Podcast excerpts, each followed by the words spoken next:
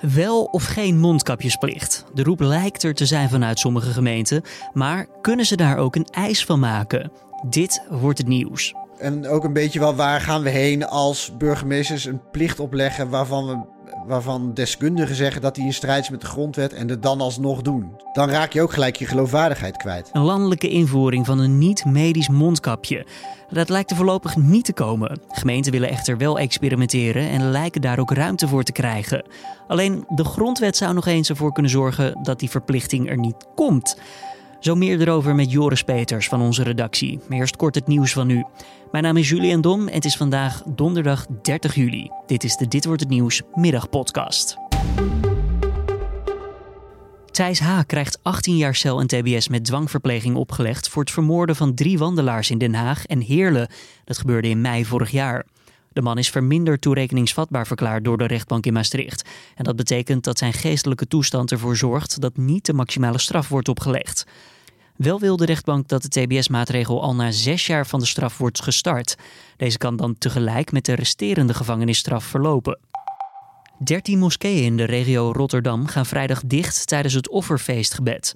Volgens de Vereniging van Marokkaanse Moskeeën Zuid-Nederland vormt het gebed vanwege de doorgaans grote opkomst een te groot risico met het oog op de verspreiding van het coronavirus. Mede omdat het zeer aannemelijk is dat mensen elkaar na het gebed de hand zullen schudden en omhelzen, is besloten om het gebed in de moskeeën dit jaar te annuleren.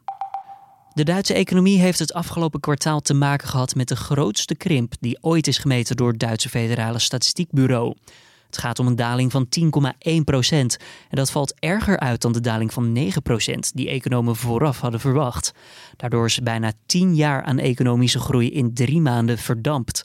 Ook de Amerikaanse economie heeft met een recordkrimp te maken van bijna 33 procent vanwege de coronacrisis. Het land kampt met 's werelds grootste aantal besmettingen en doden door de pandemie. Het Franse olieconcern Total heeft een derde grote olievondst voor de kust van Suriname gedaan. Het gaat volgens het bedrijf om een enorme hoeveelheid en de olie zou van goede kwaliteit zijn. Wel zijn er nog verdere proefboringen nodig. Wat de olie Suriname zal opleveren is nog onduidelijk. Het land kampt namelijk met grote schulden, waardoor de opbrengsten vermoedelijk vooral gebruikt zullen moeten worden om deze af te lossen. En dan ons nieuws van deze middag, de donderdag van 30 juli. Een lokale of regionale niet-medische mondkapjesplicht. De roep hierom klinkt steeds luider. Burgemeesters zouden met zo'n potentiële verplichting de verspreiding van het coronavirus een halt toe willen roepen. Maar niet-medische mondkapjes zouden toch niet werken volgens verschillende onderzoeken. En ook de juridische vrijheid voor zo'n verplichting lijkt wankel te zijn. Waarom is er dan toch zoveel animo voor een regionale regeling? Ik vraag het aan Joris Peters van de Nu.nl redactie. Nou ja, kijk, waar de burgemeester van Rotterdam en Amsterdam tegenaan lopen, is dat zij gewoon heel veel moeite hebben, bijvoorbeeld met uh, toestroom van uh, toeristen onder andere. Uh, veel jongeren die elkaar opzoeken en een feestje bouwen.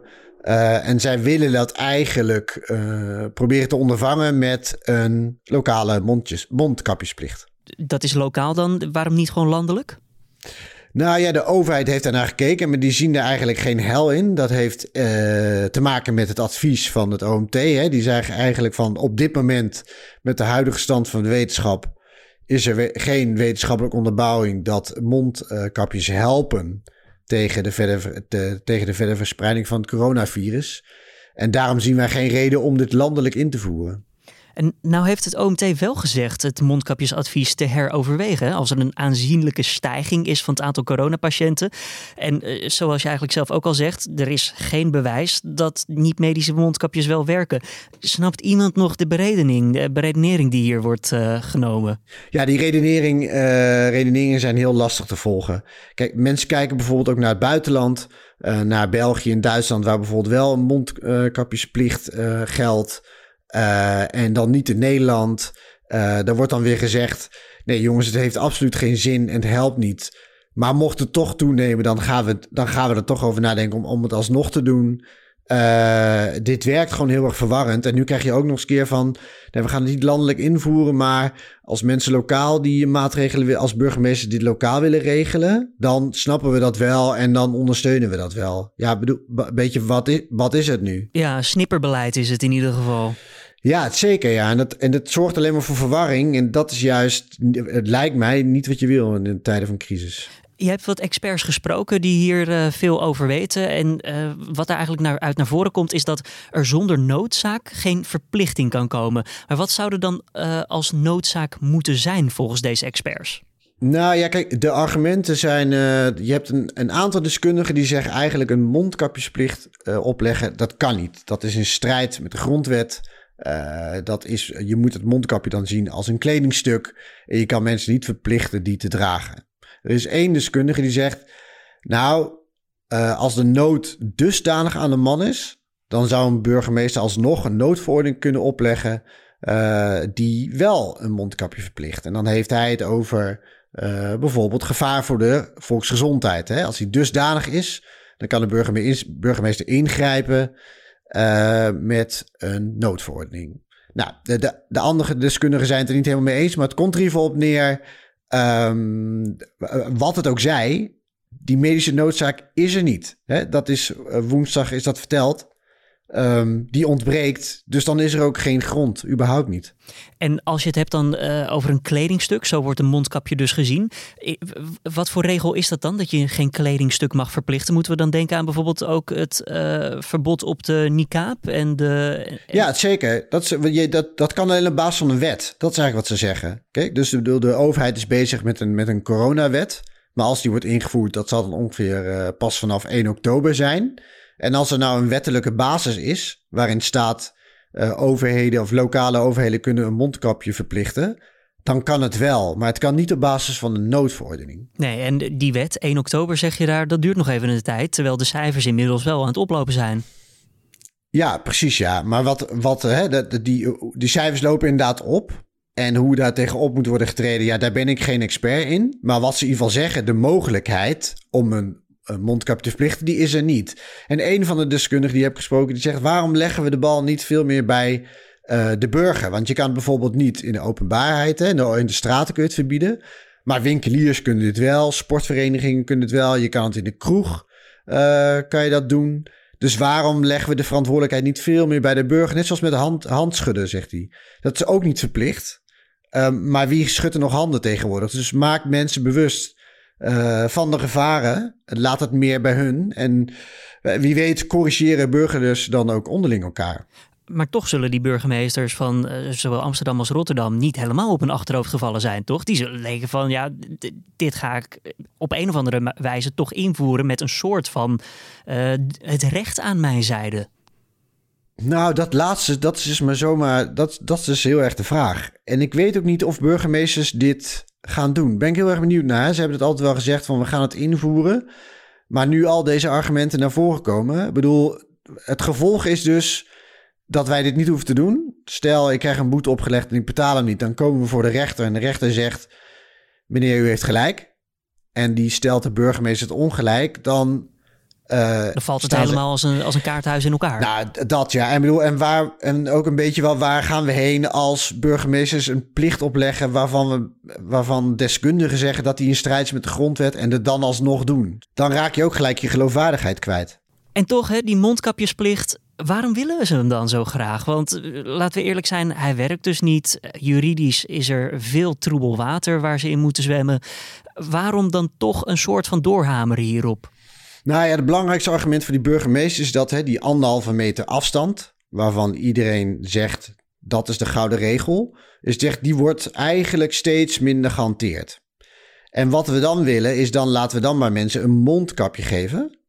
Want dan, uh, dan helpt dat in ieder geval. En wat ook een belangrijk argument is, is uh, gedragsverandering. Wat ze eigenlijk willen bereiken met een mondkapje op, is dat mensen daardoor nog bewuster zijn dat het coronavirus er nog steeds is. En daar hopelijk ook zich meer weer naar gaan gedragen. Dus weer secuurder zijn met handen wassen. Toch inderdaad meer afstand houden. Uh, en daar zijn ook wel onderzoeken voor die dat weer ondersteunen. Oftewel daarom... een soort psychologische eh, gedachtenslag die we dan daarin maken. Ja, precies ja. En daarom wordt er ook zo gesproken over experimenteren. Maar ja, wat die deskundigen zeggen, ja, experimenteren prima. Maar je kan niet mensen iets opleggen wat volgens de grondwet niet kan. Dus dat, dat is een beetje het hele moeilijk in deze situatie. En uh, is, er, is de hoop er dan dat de burgemeesters dit dus dan ook gewoon niet doen? Of willen zij ook duidelijkheid van, nou laat de burgemeesters maar komen met zo'n plicht en dan spelen we het voor de rechter even uit, zodat die duidelijkheid er dan ook gewoon zwart op wit is? Ja, ik kan niet uh, in de gedachten kijken van de burgemeesters. Dat zou kunnen persoonlijk zou ik dat niet aanraden. Uh, met het argument wat we eerder zeiden, hè, dan raak je een beetje je geloofwaardigheid kwijt. Maar ze hebben geval gezegd dat ze de komende tijd gaan overleggen over hoe dit nou in te voeren. Ja, en persoonlijk vind ik het, de argumentatie van maak burgers nou meer bewust. Dus verplicht het niet, maar raad het ze aan. Uh, geef advies. Uh, deel mondkapjes uit in de straat, voor mijn part. Dus, dus licht de burgers beter voor en geef ze meer verantwoordelijkheid in deze. Joris, dankjewel voor de toelichting. En wil je nou meer weten over dit onderwerp? Dan kan je een geschreven stuk van Joris vinden op nu.nl en in de app. Dan nog eventjes het weerbericht. Komende nacht blijven de wolken weg en de temperatuur die zakt naar zo'n pak een beet 15 graden in het zuiden. Morgen prachtig weer. Op de valreep krijgen we zelfs even te maken met deze maand een uh, laatste tropische dag. Ook de enige trouwens van deze maand dan. In de beeld en op veel andere plaatsen worden temperaturen van 30 graden of hoger verwacht. Met uitschieters in het zuiden van zelfs 34 tot 35 graden. Nou, dit was dan de Dit wordt het nieuws middagpodcast van deze donderdag. Tips of feedback laat het ons weten via podcast.nu.nl. Dan op het einde nog even een klein bericht, want misschien dacht je... hey, ik had toch Esme Dirks verwacht. Die leest altijd voor mij de Dit wordt het nieuws podcast in op de donderdag. Klopt, maar deze week is op vakantie. Volgende week is zij weer terug en dan ben ik op vakantie. Dus dan zal je iets meer Esme horen... Carné, zoals gewoonlijk. En een andere collega van ons, Lindsay Mossink, zal ook enkele middagpodcasts op zich nemen. Dus ik zou willen zeggen, volgende week ook zeker gewoon blijven luisteren. Maar voor het zover is, hebben we eerst morgen nog natuurlijk een ochtendpodcast met Carné. En in de middag de week van nu, de afsluiter van de week. Daarin zal Colin van Hoek, de adjunct hoofdredacteur van nu.nl, de belangrijkste vragen die ingestuurd zijn naar podcast.nu.nl behandelen. En we zullen het daarin hebben over de getallen rondom het coronavirus. Hoe lezen we deze? Hoe kunnen we er een verhaal van maken? En ja, wat betekenen ze dus eigenlijk? Dat en meer morgen bij nu.nl.